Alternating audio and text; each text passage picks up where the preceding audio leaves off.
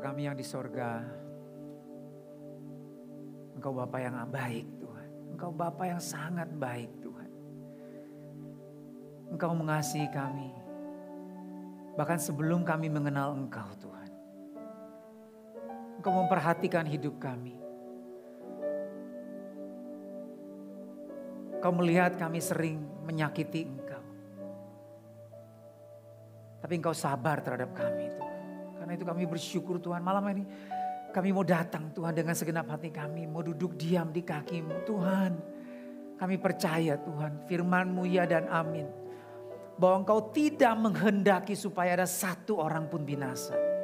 Tapi engkau rindu Tuhan supaya semua orang boleh bertobat. Karena engkau rindu Tuhan.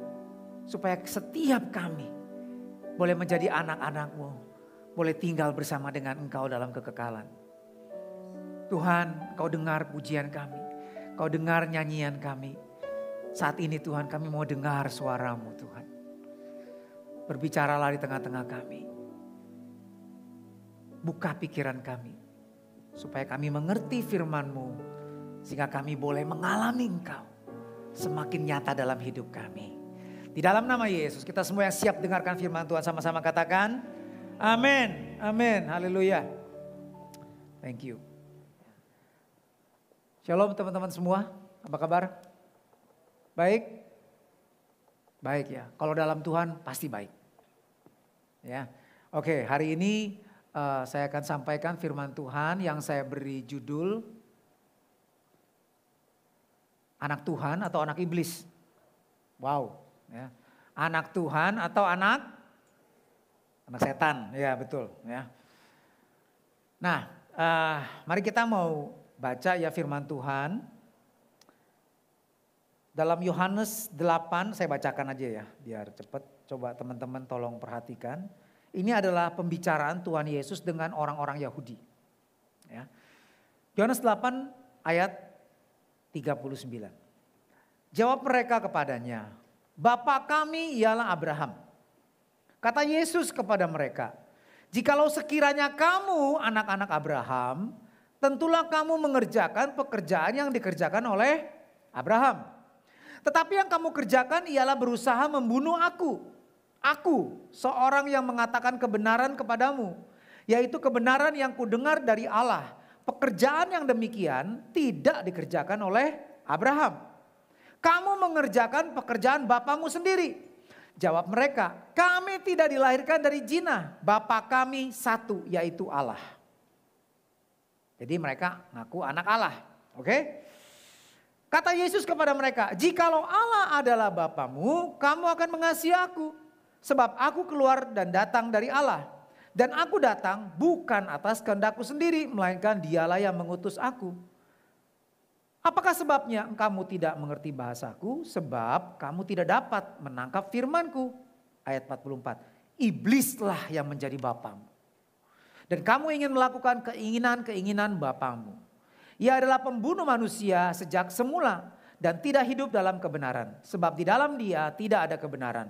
Apabila ia berkata dusta, ia berkata atas kehendaknya sendiri. Sebab ia adalah pendusta dan bapa segala dusta. Ya, jadi hari ini kita akan belajar beberapa topik. Pertama, ada tiga hal. Pertama, apa sih artinya anak Allah? Menurut Tuhan Yesus. Yang kedua, apakah cukup percaya Yesus adalah Kristus, percaya Yesus adalah Mesias? Apakah cukup hanya percaya kepada Yesus sebagai Mesias lalu kita selamat? Ya. Yang ketiga, apa sih artinya kita memanggil Allah itu sebagai Bapa? Apa artinya Tuhan Yesus ajarkan kita memanggil, kita berdoa, kepada Tuhan pencipta langit dan bumi sebagai Bapa kami yang di sorga. Apa artinya itu? Ya, Kita akan lihat satu persatu. Pertama, kata anak dalam bahasa Ibrani itu diterjemahkan dari kata ben. ya Ben. Jadi kalau ada yang namanya Ben di sini Benyamin ya. Ini anaknya siapa? Ben Yamin, anaknya Pak Yamin ya. Kalau Benyamin tuh. Oke ya. Jadi Ben itu artinya anak.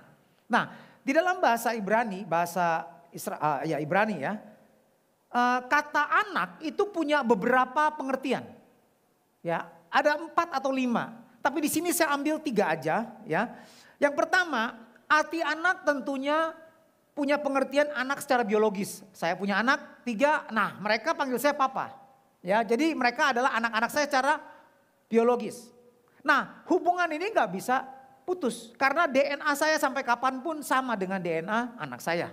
Nah, ini bapak dalam anak dalam arti biologis. Yang kedua, anak itu bermakna kata anak itu juga sama dengan keturunan. Kita lihat tadi dikatakan bahwa kami adalah anak-anak Abraham. Abraham adalah bapak kami. Loh, yang benar. Abraham kan sudah waktu Tuhan Yesus bertemu dengan orang-orang Yahudi ini, Abraham itu 1700 tahun yang lalu. Ya itu kakek buyut-buyut-buyutnya mereka. Kenapa dipanggil? Bapak. Jadi kata Bapak yang kedua itu artinya keturunan. Kita bisa lihat juga di dalam Matius 1 ayat 1. Matius 1 ayat 1 kalau kita baca. Inilah silsilah Yesus Kristus anak Daud, anak Abraham. Jadi kalau gitu Yesus ini, Yesus Kristus ini anak siapa? Anak Yusuf kah? Anak Daud kah? Anak Abraham. Nah jadi lebih tepat bacanya begini. Inilah silsilah Yesus Kristus keturunan Daud, keturunan Abraham. Ya, jadi pengertian yang kedua, kata anak itu bermakna keturunan. Inilah yang dipegang oleh orang-orang Yahudi. Mereka mengaku mereka karena keturunan Abraham dan Abraham adalah anak Allah, milik kepunyaan Allah, maka otomatis saya keturunan Abraham, saya juga anak Allah. Sama ya. Ada ada orang Kristen ditanya, kamu agamanya apa? Kristen. Loh kok bisa Kristen? Iya, papa mama saya Kristen. Jadi otomatis saya Kristen. Bukan begitu. Ya, Tuhan Yesus nggak setuju. Kita lihat di dalam ayat 40 uh, uh, ayat sorry. Ada arti yang ketiga. Nah, ini yang Tuhan Yesus maksud dengan anak. Arti kata anak yang ketiga adalah kalau seseorang itu punya sifat karakter yang sama dengan orang yang disebut bapaknya. Ya, contoh, ini ada orang misalnya ada koruptor terkenal lah, penjahat lah. Ya, residivis atau atau atau uh, kejem lah, Hitler misalnya, ya kan? Nah, orang ini juga kejem banget. Nah, ini anaknya Hitler Hitler tuh bapaknya. Jadi karena dia punya sifat yang sama. Jadi kita lihat juga bahasa Indonesia juga punya apa? Pengertian yang begitu, betul nggak? Coba misalnya nih kalau kita dengar ya, ada orang tua yang lagi marah-marah gitu ya, sama anak muda yang badung banget. Ya di Betawi itu, eh, di Jakarta sering saya dengar waktu masih kecil, ngomelin orang tua ngomelin anak begini. Dasar lu, anak setan lu. Loh emang emang dia anak setan apa emang bapaknya gendruwo kawin sama kuntilanak apa kan enggak? Iya enggak? Tapi kenapa dipanggil anak setan? Karena kelakuannya kayak setan badung banget, jahat banget. Ya. Jadi dipanggil anak setan. Nah, Tuhan Yesus memakai istilah itu untuk menyebut anak-anak Allah. Yaitu orang yang mewarisi, yang punya sifat kayak Allah. Nah, Tuhan Yesus mengatakan orang Yahudi yang mau membunuh dia itu dikatakan, kamu bukan anak Allah, kamu anak iblis. Kenapa? Karena kamu seperti bapamu, pembunuh manusia dan kamu ingin membunuh aku. Jadi kamu walaupun keturunan Abraham, tidak otomatis jadi anak Allah. Karena Abraham tidak akan membunuh aku. Dia mengasihi semua yang berasal dari Allah, termasuk aku. Aku keluar dari Allah. Tapi kamu mau membunuh aku. Abraham tidak seperti itu. Kamu tidak sama seperti Abraham. Kamu bukan anak Allah, kamu anak iblis. Jadi pengertian Tuhan Yesus, anak Allah adalah orang yang punya sifat kelakuan seperti Allah. Kudus, Allah itu kudus. Allah itu kasih. Allah itu pengampun. Allah itu sabar. Allah itu benci, jijik dengan dosa. Nah, ya.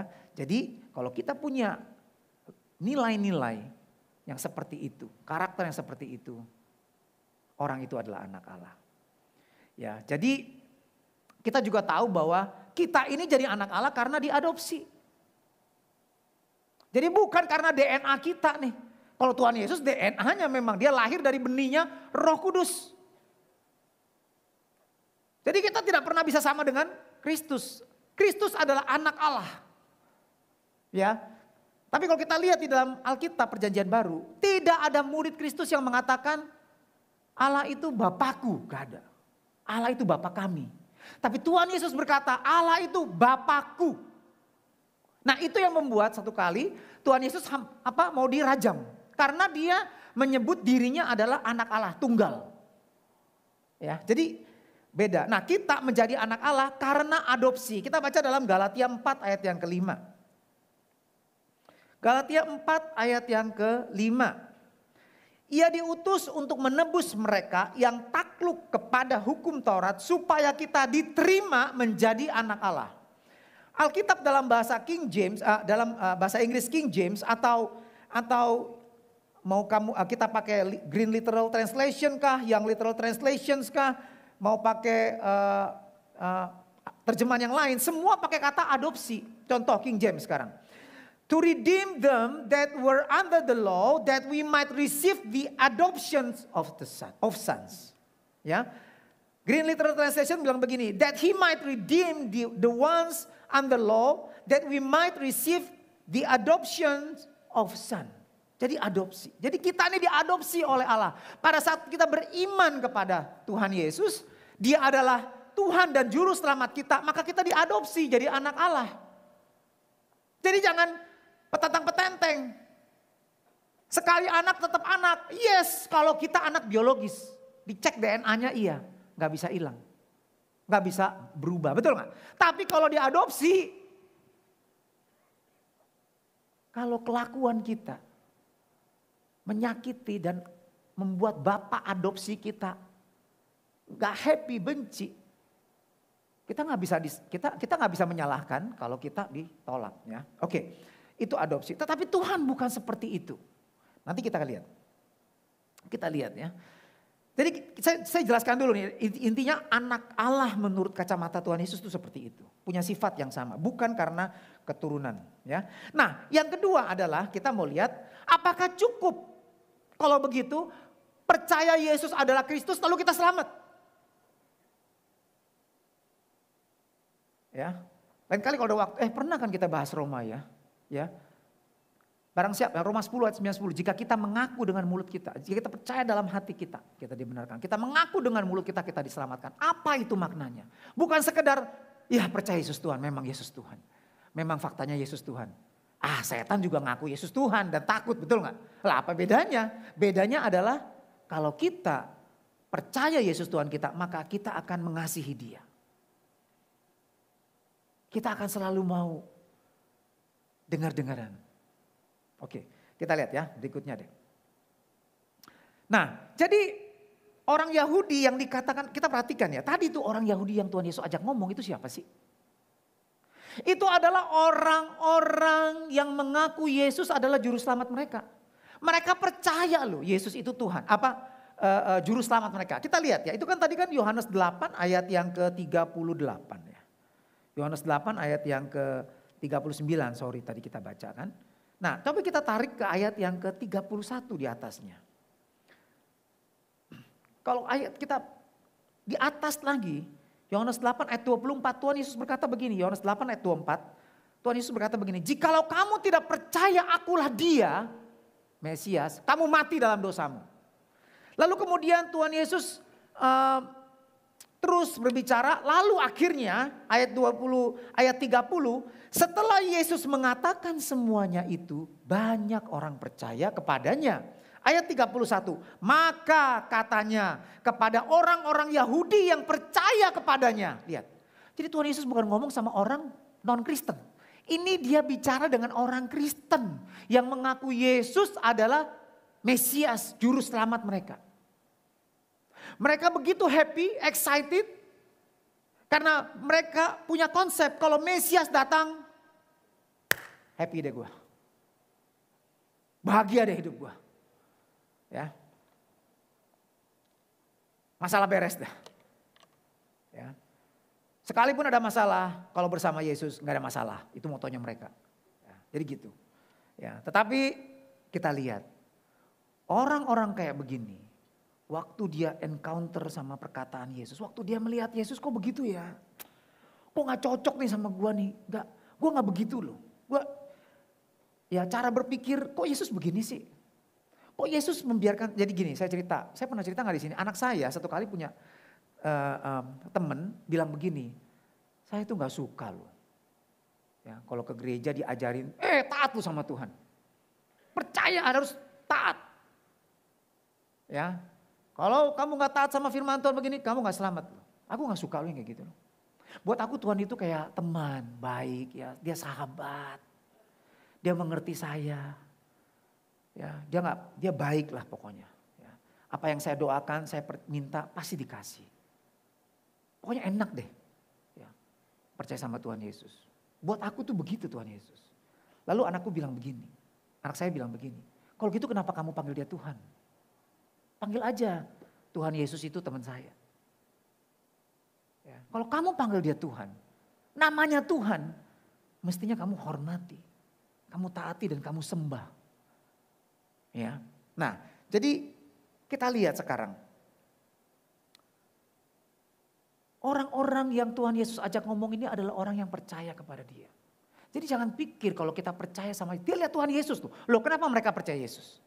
Mereka lihat Tuhan Yesus melakukan banyak mujizat. Dan kemudian mereka dengar perkataan Yesus sendiri. Bahwa dia adalah Mesias. Loh kita dengar kata pendeta aja, khotbah aja kita percaya kok bertobat ya nggak? Nah ini Tuhan Yesus sendiri loh yang ngomong sama mereka dan mereka lihat sendiri Tuhan Yesus melakukan mujizat-mujizat yang luar biasa. Ini benar Mesias.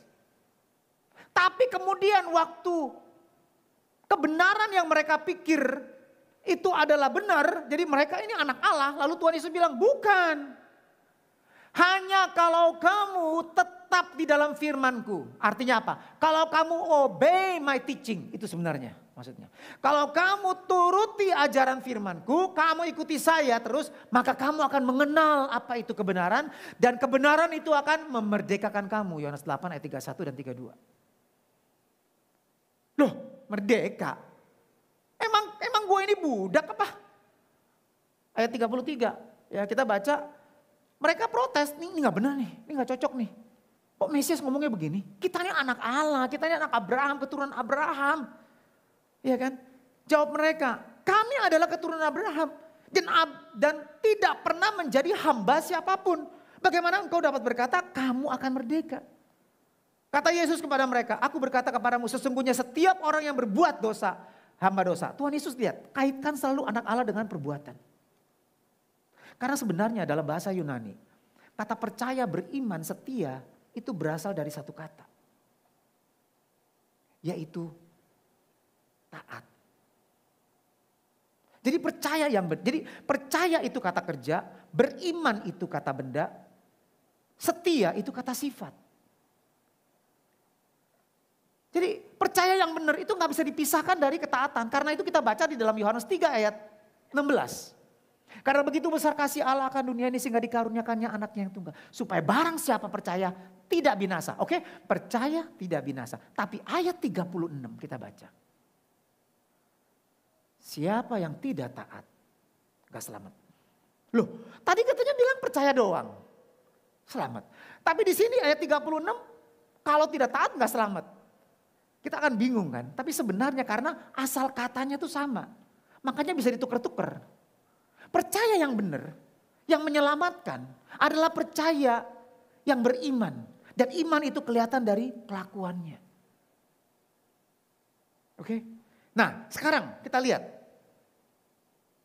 jadi kembali ya, mengaku anak Allah tapi sebenarnya adalah anak iblis. Jika pertama kelakuannya seperti iblis. Ya, pendusta. Hobinya dusta. Hobinya kecemaran, penajisan. Hobi dosa. Loh, emang orang Kristen gak bisa jatuh dalam dosa apa? Bisa nggak orang Kristen jatuh dalam dosa? Bisa. Tapi beda jatuh dalam dosa sama hidup dalam dosa. Anak Tuhan bisa jatuh dalam dosa tapi tidak tidak akan hidup dalam dosa. Tahu bedanya apa? Bedanya gini. Kayak anak kecil. Anak kecil tuh bayi, balita kan sering jatuh. Walaupun mereka sering jatuh, tapi nggak pernah suka jatuh. Ya, jadi setiap kali mereka jatuh, mereka akan nangis. Kesakitan, mereka nangis, teriak. Terus kemudian mereka bangun belajar jalan lagi, jatuh lagi, nangis lagi. Itu namanya dia jatuh. Nah sama, orang yang jatuh dalam dosa dia bisa jatuh dalam dosa tapi setiap kali jatuh dia nangis. Kenapa? Karena ada roh kudus di dalam dia. Ini ini ciri orang percaya tuh ada meterai roh kudus. Meterai itu artinya cap milik. Bukti bahwa kita milik Allah adalah setiap kali kita jatuh dalam dosa, kita nang, kita kita sedih, kita nggak enak, kita nggak nyaman. Ya. Nah, bedanya hidup dalam dosa adalah mereka suka akan dosa. Jadi kalau orang anak kecil yang suka jatuh, yang hobi jatuh, Begitu dia jatuh berdarah-darah dia ketawa-ketawa. itu gak waras tuh anak. Betul gak? Ya, kalau ada anak yang balita begitu jatuh palanya benjol dia ketawa-ketawa. Yang nangis siapa? Mamanya yang nangis. Ya, itu anak gak waras tuh namanya. Sama, orang Kristen yang lahir baru kalau suka hidup dalam dosa. Gak benar itu, gak waras itu. Jadi itu tandanya kalau kita anak Allah. Ada meterai roh kudus. Walaupun kita sering jatuh dalam dosa, kita akan sedih, kita akan nyesel. Kita akan datang ke Tuhan minta ampun. Gak enak. Oke ya. Nah, yang kedua adalah seseorang mengaku anak Allah padahal sebenarnya dia anak iblis jika dia tidak suka sama firman Tuhan. Tidak ada tempat di hatinya katanya. Yohanes 8 ayat 37. Ya. Yohanes 8 ayat 37.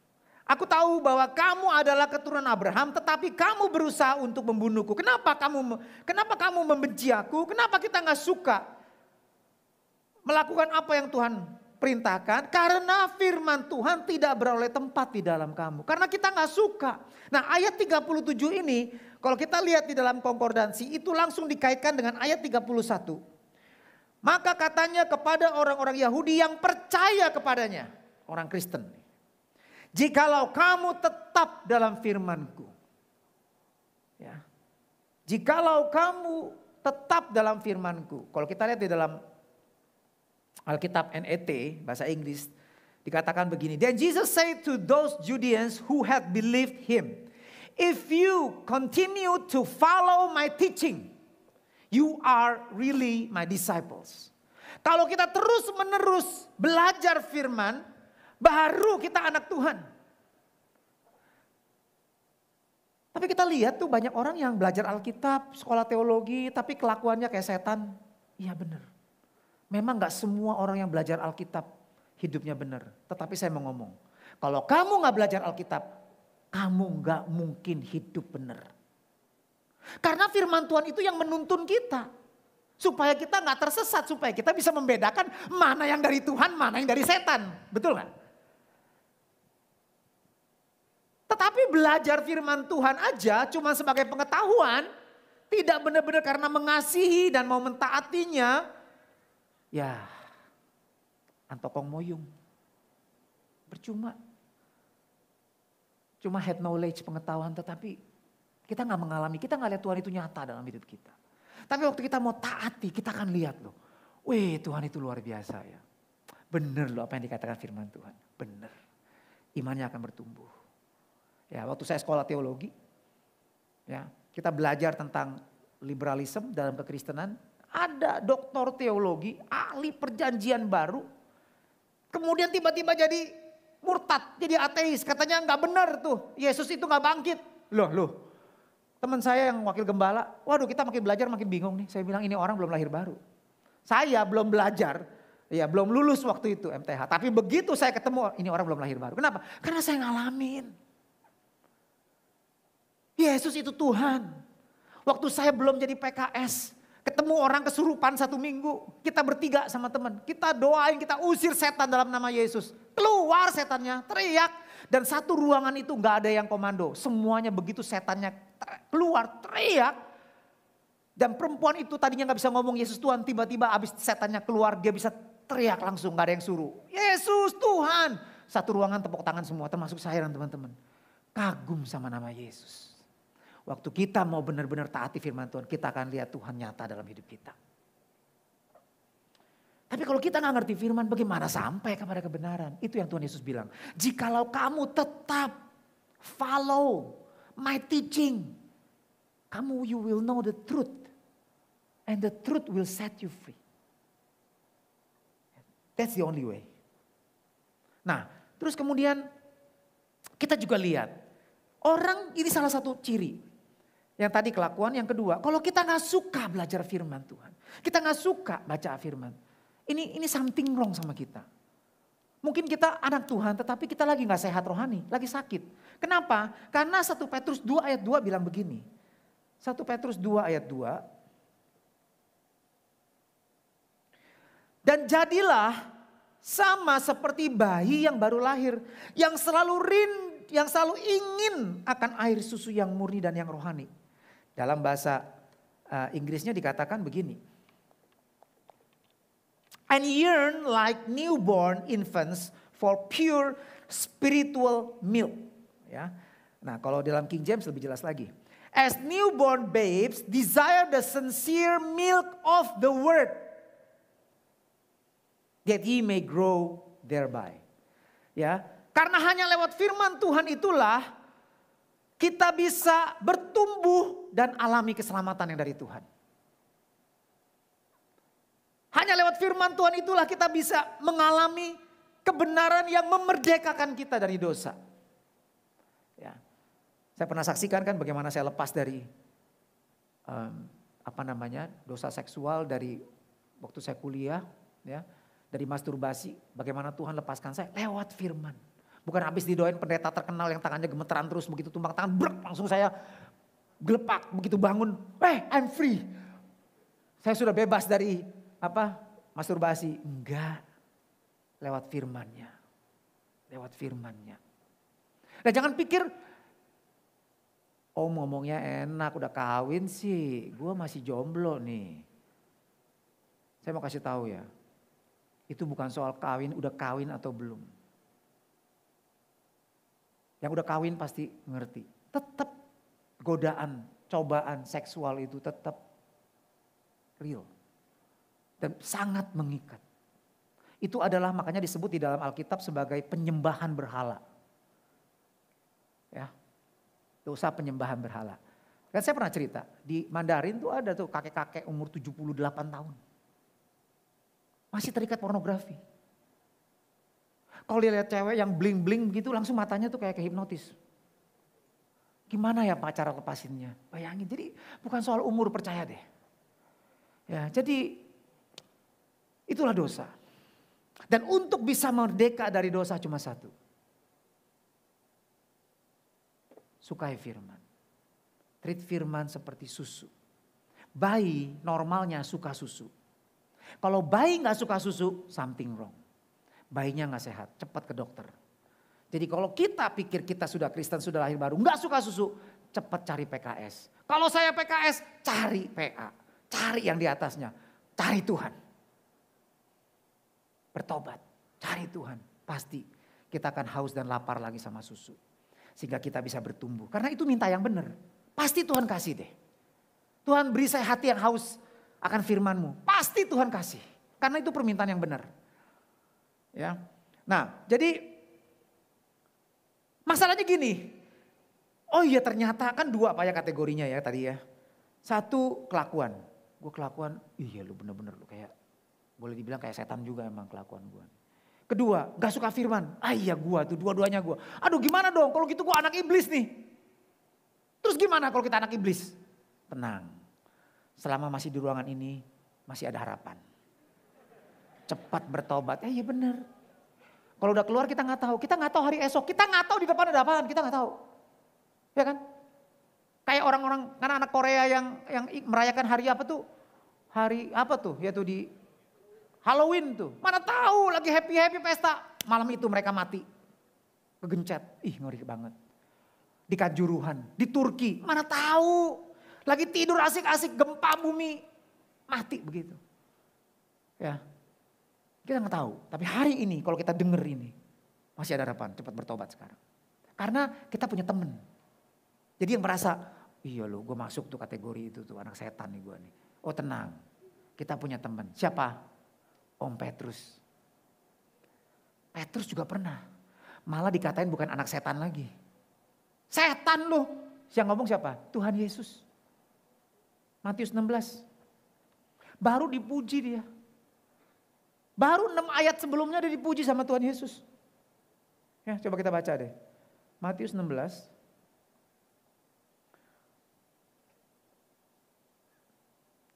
Ayat 18. Dan aku pun berkata kepadamu, engkau adalah Petrus dan di atas batu karang ini aku akan mendirikan jemaatku. Dan Allah mau tidak akan menguasainya. Kepadamu Petrus akan kuberikan kunci kerajaan sorga. Bayangin Petrus dikasih kunci. Tinggal dia buka aja mau masuk kapan aja bisa. Gitu ya kira-kira ya.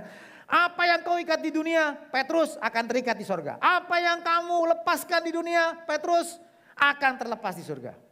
Tuhan Yesus ngomong sama Petrus nih. Luar biasa kan? Coba bayangin kalau terjadi Petrus. Aduh, udah ya kan. Pasti selamat. Pegang kunci kerajaan sorga. Makanya paus-paus itu sekarang tuh pegang kunci gede. Karena dia mau apa apa istilahnya mewarisi ininya Petrus. Haknya Petrus jadi pegang kunci kerajaan sorga ya.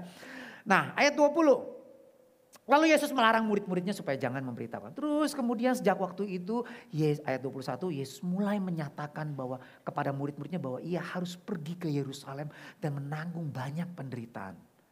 Terus ayat 22 mulai. Tetapi Petrus yang dikasih kunci kerajaan sorga ya punya hak bebas masuk ke sorga kapan dia mau lo pegang kunci lo kapan aja masuk bisa dong ya gak? bayangin Petrus tapi Petrus yang punya kerajaan apa kunci sorga itu bilang begini. Tuhan kiranya Allah menjauhkan hal itu. Hal itu aniaya pembunuhan itu sekali-kali tidak akan menimpa engkau. Maka Yesus berpaling dan berkata kepada Petrus. Enyahlah iblis. Tadi pegang kunci kerajaan sorga. Sekarang jadi setan. Ya, Sebab engkau bukan memikirkan apa yang dipikirkan Allah, melainkan apa yang dipikirkan manusia. Untung Petrus nggak baperan. Ya ampun.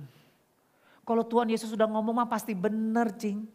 Kalau dia bilang lu anak setan, lu beneran anak setan. Kalau lu setan, ya itu beneran setan udah. Untung Petrus nggak kecewa lalu, udahlah buat apa lagi? Udahlah gue pasti masuk neraka lah. Enggak. Dia tetap mengikuti Yesus. Dan dia menjadi soko guru. Di dalam 1 Korintus 15 Paulus katakan dia termasuk tiga soko guru. Petrus, Yohanes, Yakobus. Dan Petrus adalah pemimpin para rasul. Ya. Kenapa? Karena Petrus nggak baperan. Dia bertobat hari itu. Waktu dibilang setan kamu, dia bertobat. Hari ini juga. Kalau kita merasa, oh iya nih kelakuan saya nggak benar. Oh iya nih saya nggak suka firman. Bertobat hari ini. Karena Tuhan sampaikan pesannya ini. Karena dia mengasihi kita. Amin. Supaya kita bertobat. Oke, nah yang ketiga sekarang.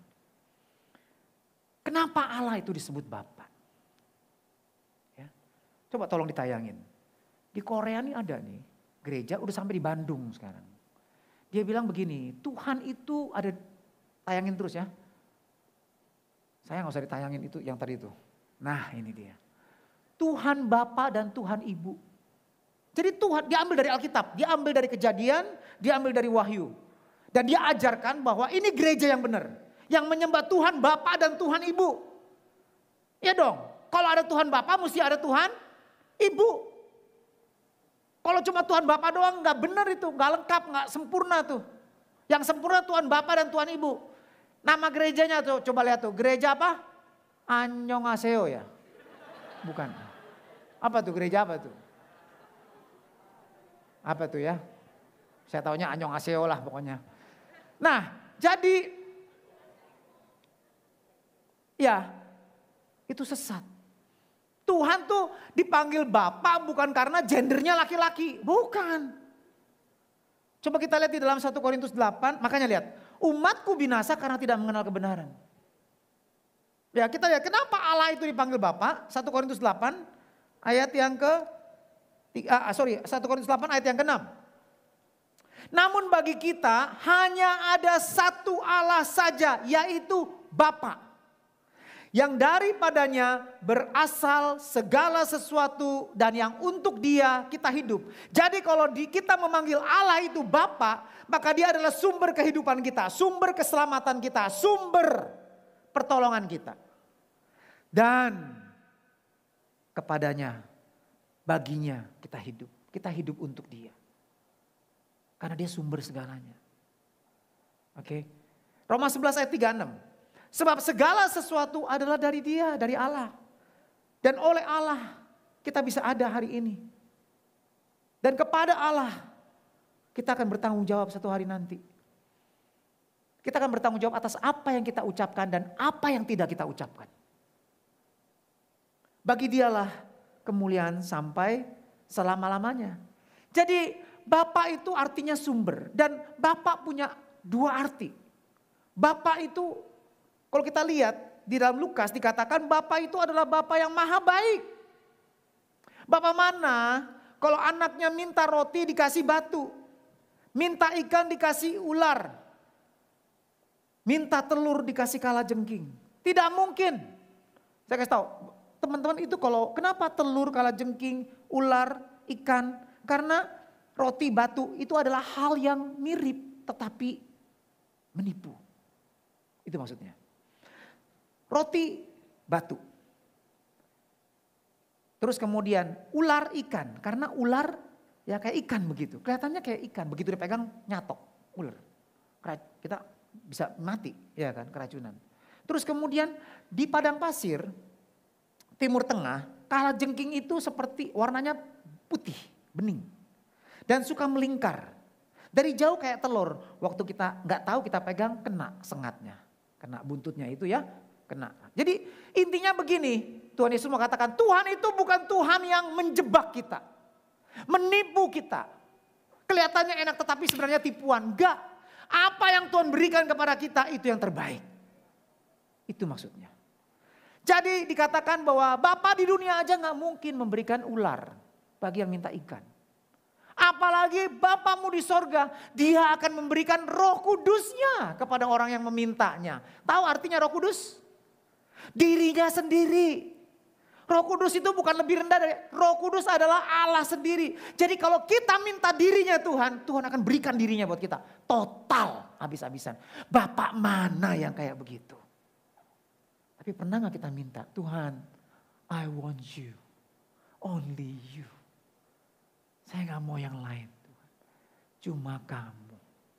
Pernah kita minta? Kalau kita mengerti betapa Tuhan sayang kita.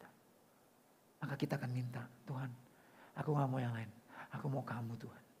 Bapak yang begitu mengasihi saya. Nanti kita lihat. Oke. Okay? Nah jadi seperti itu loh maksudnya. Dia akan berikan dirinya buat orang yang meminta Allah yang baik. Tetapi kalau kita mengenal Allah sebagai Bapak nggak boleh cuma separuh doang. Itu separuh benar.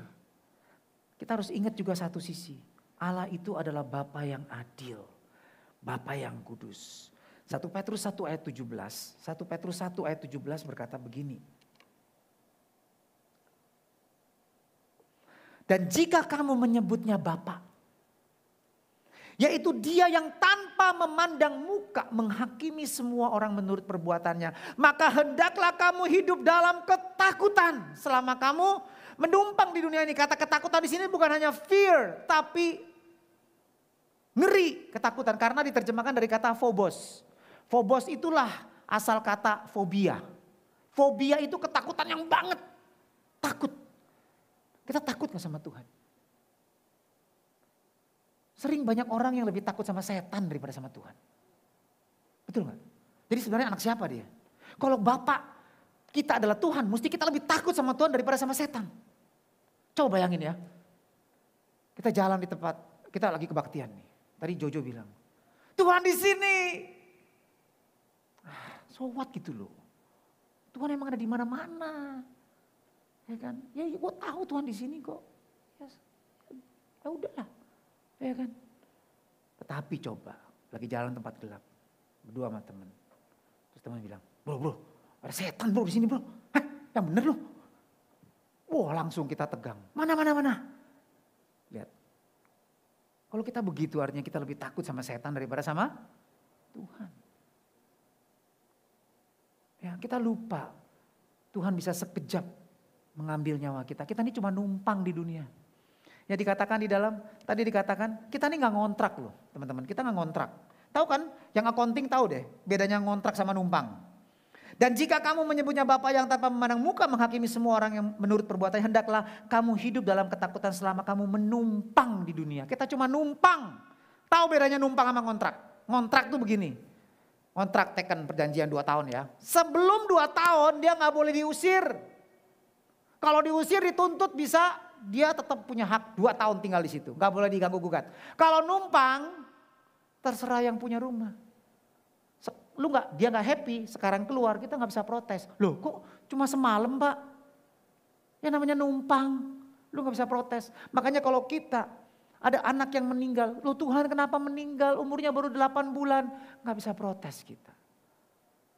Karena dia yang memiliki alam dan semesta. Dia yang menciptakan alam semesta. Kalau kita ngerti ini kita akan begitu takut. Ya. Tetapi di satu sisi kita juga tahu dia Allah yang baik. Maka kita nggak pernah main-main sama Tuhan. Hari ini Tuhan ingatkan kita, jangan main-main sama Tuhan.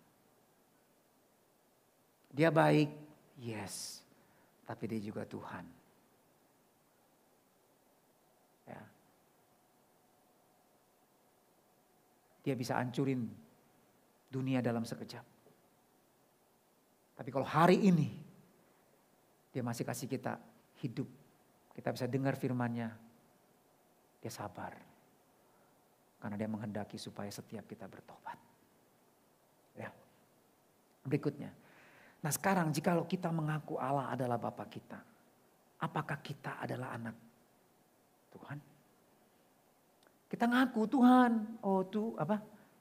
Apa lagunya tuh? ya oh apa ya bapak-bapak ya ini aku anakmu. Tapi Tuhan ngakuin nggak kita anak dia? Ya, kayak tadi. Kita lihat juga di dalam orang Yahudi tadi dia pikir dia anak Allah, tapi Tuhan nggak mengakui dia anak Allah. Nggak mengakui dia sebenarnya anaknya. Dan Tuhan Yesus sendiri berkata di dalam Lukas 13 ayat 25-27. Di dalam Matius 25 ayat 41-43. Di dalam Matius 7 ayat 21-23. Kepada orang-orang di hari penghakiman yang memanggil Yesus Tuhan, Tuhan, kurios, kurios. Engkau juru selamat saya, engkau Tuhan saya. Tapi Tuhan berkata, aku tidak pernah dekat sama kamu. Itu bahasa aslinya. Karena kata mengenal itu artinya akrab. Aku gak akrab sama kamu. Pergi kamu, hai pembuat kejahatan. Lalu mereka berdalih, Tuhan aku sudah pelayanan Tuhan. Aku sudah makan perjamuan kudus Tuhan. Aku sudah dengar khotbahmu Tuhan. Tapi Tuhan berkata, aku tidak pernah kenal kamu. Baca itu ayat semua. Tuhan sudah ingatkan. Akan banyak orang yang nanti terkejut-kejut. Di tahta pengadilan Tuhan. Dia pikir dia anak Tuhan. Dia pikir dia selamat. Tetapi ternyata Tuhan reject dia. Hari ini, mari kita mau bertobat. Ya. Kita mau cari dia. Datang mendekat kepada dia. Karena dia baik. Dia sabar sama kita. Ya, Malaki 1 ayat 6 berkata begini. Maleaki 1 ayat 6 berkata begini. Seorang anak menghormati bapaknya dan seorang hamba menghormati tuannya. Jika aku ini bapak, di manakah hormat yang kepadaku itu? Pernah dengar yang namanya Kim Jong Un kan? Itu kan presiden Korea Utara ya. Itu kan kejem banget itu. Saya pernah dengar di baca berita ada seorang apa dirigen ya, pemain dirigen lah ya, punya simfoni gitu yang mimpin lagu gitu ngatur. Kasih komen yang berbeda dengan pendapatnya Kim Jong Un. Jadi Kim Jong Un bilang acara ini bagus. Terus dia bilang sama temennya, biasa aja ya. Biasa aja temennya lapor ke polisi. Mengkhianat ini temennya. Lapor ke polisi dan kemudian terus kemudian polisi ini lapor ya ketahuan. Tahu nggak hukumannya apa? Dipanggil seluruh timnya. Terus kemudian ditembak pakai brand. Jadi setelah mati terus ditembak sampai hancur-cur mayatnya. Dan semua yang nonton itu sampai ada yang pingsan, ada yang Wah histeris ya begitu ngeri. Itu. itu pemimpin dunia dan Tuhan kita ini penguasa alam semesta. Ya kan, untung Tuhan gak kayak Kim Jong Un. Ya, Tuhan sabar sama kita. Tapi dia berkuasa loh atas nyawa kita. Ya. Nah, jadi ini dikatakan kepada siapa? Seorang anak menghormati bapaknya, seorang hamba menghormati tuannya. Jika aku ini bapak, di manakah hormat yang kepadaku? Tahu nggak Tuhan ngomong sama siapa? Sama imam, sama pendeta. Pendeta aja nggak tahu bahwa dia nggak menghormati Tuhan. Dia pikir dia menghormati Tuhan. Dia pikir dia beribadah. Makanya betapa kita penting. Tahu nggak ceritanya gimana? Nanti baca ya, yuk. Malaki 1 ayat 6. Lalu mereka tanya, loh Tuhan dengan apa? Bagaimana kami tidak menghormati kamu? Dengan kamu menganggap bisa menghina korban persembahan. Tahu caranya gimana mereka? Jadi gini, mereka tuh demi cian, nyatut. Itu jemaat kan nggak nggak boleh masuk ke ruang bait suci, apa maha suci. Jadi mereka om eh om lagi apa penatua eh apa namanya imam ya pak imam ini ini buat persembahan ya penebus dosa ya nih ya udah diambil wah ini harga domba korban penebus dosa itu mahal karena dipeliharanya tuh di menara kawanan domba dari kecil sudah di raise up dengan cara yang kosher khusus buat Tuhan gemuk, tambun, sempurna semua, nggak ada cacat. Jadi mahal harganya. Nggak lihat kan? Dia beli di tempat kambing domba diskon. Yang kakinya pincang, yang matanya picek, itu buy one get one free. Ya kan? Terus mereka beli, terus kemudian dipersembahkan, terus kemudian dipersembahkan. Yang mereka nggak tahu dengan cara itu. Dan hari ini Waktu kita datang ke hadapan Tuhan.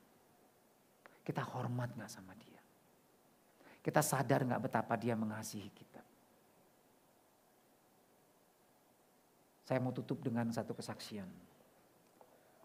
Teman-teman mungkin udah tahu saya punya anak tiga. Tiga-tiganya saya sayang. Tiga-tiganya saya sayang. Yang dua laki-laki, yang satu perempuan paling kecil. Ya. Yang laki-laki ini Ya, satu kali saya minta supaya dia mereka itu kasih kesaksian waktu hari Bapak di ibadah Mandarin. Terus dia ketakutan. Mereka bilang, "Enggak lah apa, orang tua semua grogi aku." Tapi anak adiknya yang perempuan mau. Dia siapin kesaksian, dia siapin dalam bahasa Mandarin terus kemudian dia apa namanya? kasih kesaksian. Dan waktu dia mau maju ke depan kasih kesaksian, dia duduk sebelah saya. Waktu dia mau maju dia pegang tangan saya. Saya kaget, tangannya kayak es dinginnya. Jadi dia tuh grogi. Tapi karena dia sayang papanya, dia maju ke depan. Anak yang sayang laki-laki juga sayang saya, tapi ketakutannya kepada penonton, kepada jemaat lebih besar daripada ketakutannya sama saya. Jadi dia nggak mau. Ya. Tapi begitu dilihat adiknya mau, tahun depan mereka mau bersaksi. Satu kali lagi, waktu saya ulang tahun, dia memberi saya surprise anak saya yang perempuan. Dia bukan ngarepin apa-apa, tapi karena dia sayang saya. Boleh tolong ditayangin. Ya, ini tahun dua, waktu dia umur 15-16 tahun.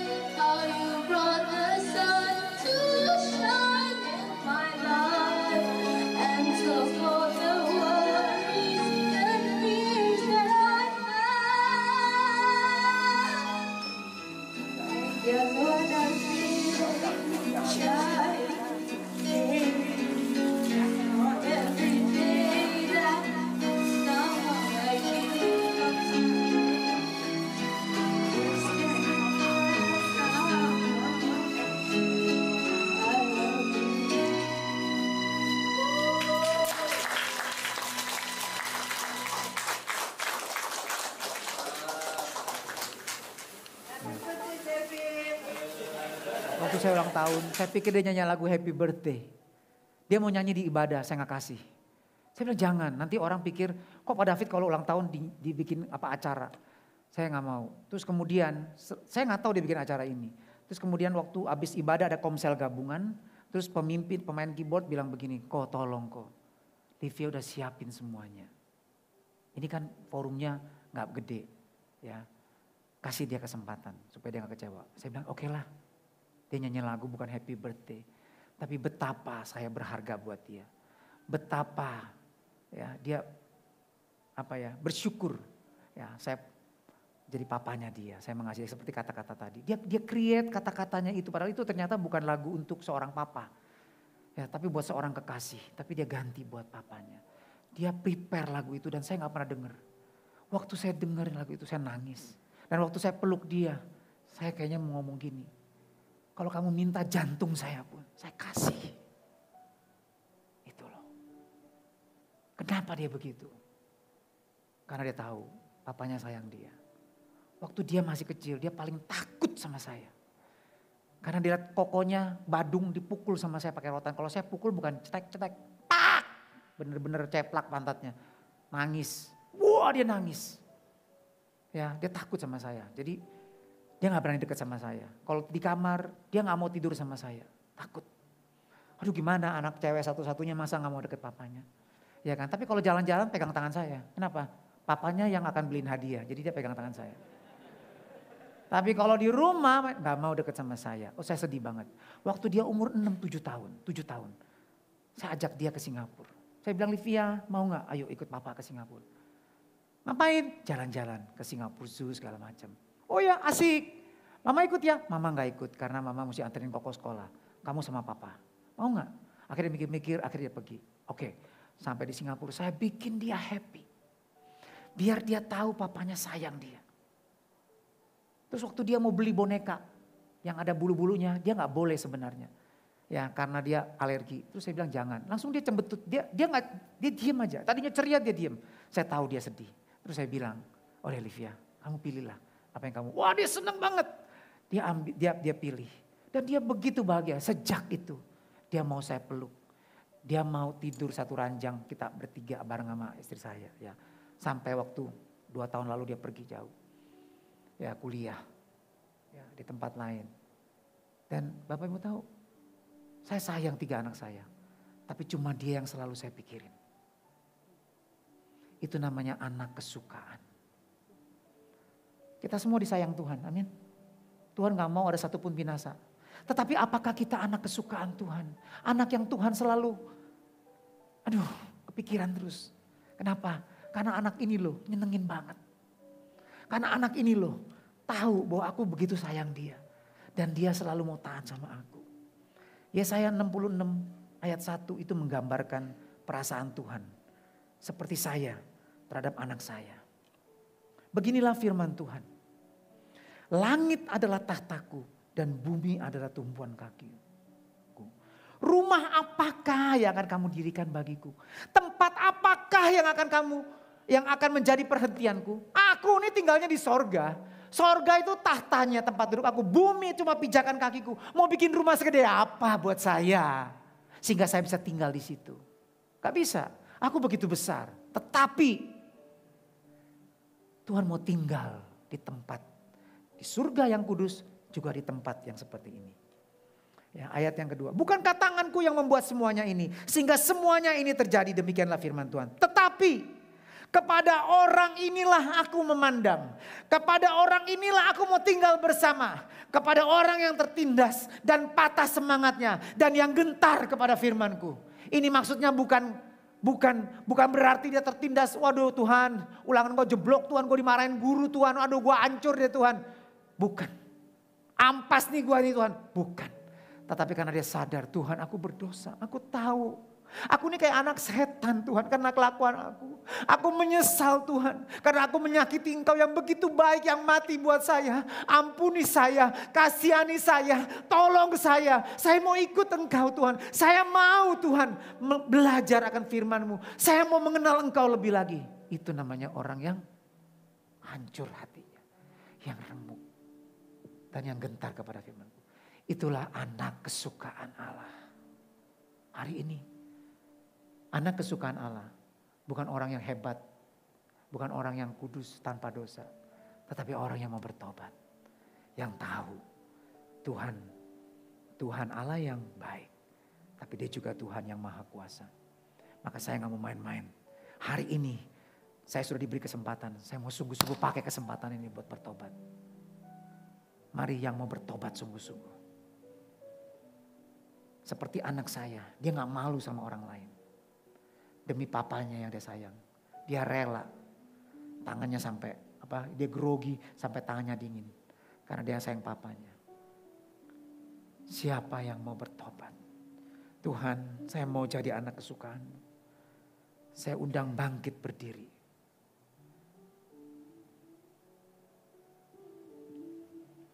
Bukan karena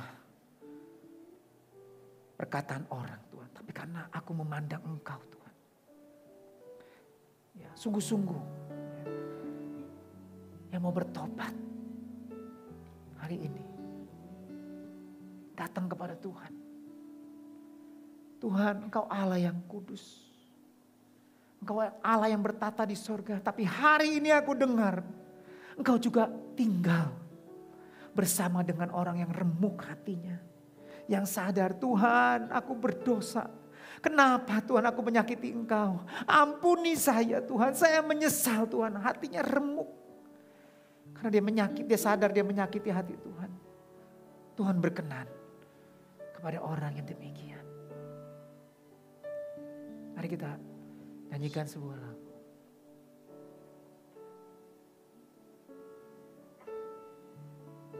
Sambil kita berkata-kata kepada Tuhan saat ini.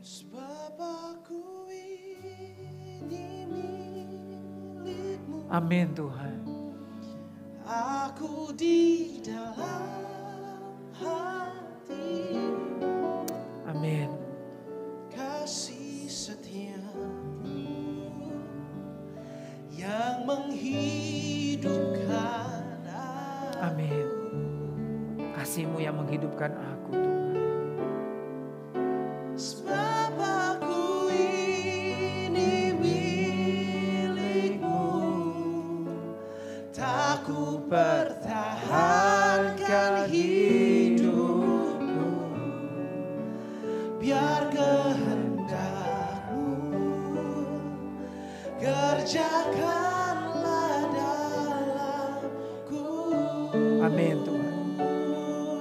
Tuhan, kami ada di hatimu Tuhan. Sebab aku ini Kau mati bagi kami sebelum kami mengenal Engkau. Aku di dalam Terima kasih Tuhan. hatimu Kami di dalam hatimu.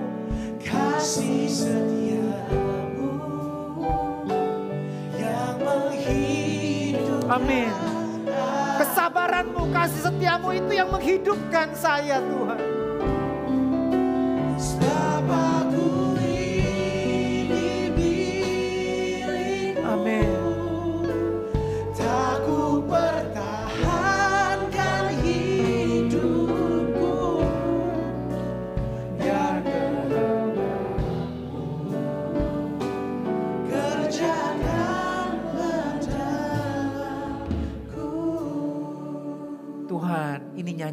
Ini doa kami. Kami tahu Tuhan. Tidak ada yang kebetulan Tuhan. Kalau malam hari ini kami bisa dengar firman-Mu. Firman-Mu ingatkan karena memang Tuhan. Engkau yang merencanakan malam ini Tuhan. Engkau yang memanggil setiap kami. Karena tidak ada satu orang pun yang bisa datang kepada Tuhan Yesus kalau bukan Bapa yang membawanya. Kalau bukan Bapa yang mendorongnya. Hari ini malam ini kalau kami bisa dengar firman-Mu Tuhan. Kami tahu karena roh kudus, karena Bapa di sorga yang membawa kami ke tempat ini. Supaya kami boleh Tuhan diberikan kesempatan mendengar firman-Mu ini. Betapa Engkau mengasihi kami. Tapi supaya kami juga jangan main-main dengan dosa. Karena Engkau Allah yang adil yang tidak memandang muka dalam menghakimi orang berdosa. Tapi Tuhan Kau beri kesempatan kepada kami. Karena kami ada di hatimu. Ada di pikiranmu. Engkau tidak mau kami binasa. Karena itu Tuhan. Malam ini kami berdiri bukan di hadapan manusia. Engkau lihat Tuhan setiap anak-anakmu yang berdiri Tuhan. Ini mereka berdiri di hadapanmu Tuhan. Dan biar Tuhan, ini adalah pengakuan iman kami. Kami milikmu. Ampuni kami. Kasihani kami. Kebodohan kami. Ampuni kami Tuhan. Lepaskanlah kami dari yang jahat. Tuhan kami tahu ada meterai roh kudusmu di dalam kami. Sehingga kami tidak suka Tuhan. Waktu kami jatuh dalam dosa, kami sedih, kami sakit, kami kecewa Tuhan. Karena kami tahu ada rohmu di dalam kami. Sehingga kami tidak nyaman Tuhan. Waktu kami jatuh dalam dosa, kami mengerti sekarang Tuhan. Karena itu kami datang padamu Tuhan. Dengan hati yang hancur Tuhan. Dengan hati yang remuk Tuhan. Kadang kau tidak memandang hina orang yang hatinya remuk. Kau menghargai Tuhan, kau tahu kami Tuhan. Engkau kenal kami. Ampuni dosa kami. Sucikan kami. Tolong kami. Berikan kami hati yang baru yang cinta akan firman-Mu Tuhan. Sehingga kami boleh makan, mengerti firman-Mu. Dan kami boleh Tuhan mengalami kemerdekaan dari dosa. Terima kasih Tuhan. Kami minta ini di dalam nama Yesus. Engkau yang kuduskan, sucikan, layakan kami. Kami mau jaga hidup kami. Kami mau jaga Tuhan. Dan biar Tuhan, sekali lagi Tuhan, kami terima hati yang haus akan firman-Mu Tuhan. Sehingga kami boleh seperti bayi yang selalu haus. Sehingga kami boleh bertumbuh dan diselamatkan. Di dalam nama Yesus kita semua yang sungguh-sungguh kepada Tuhan sama-sama katakan. Amin. Amin. Tuhan berkati.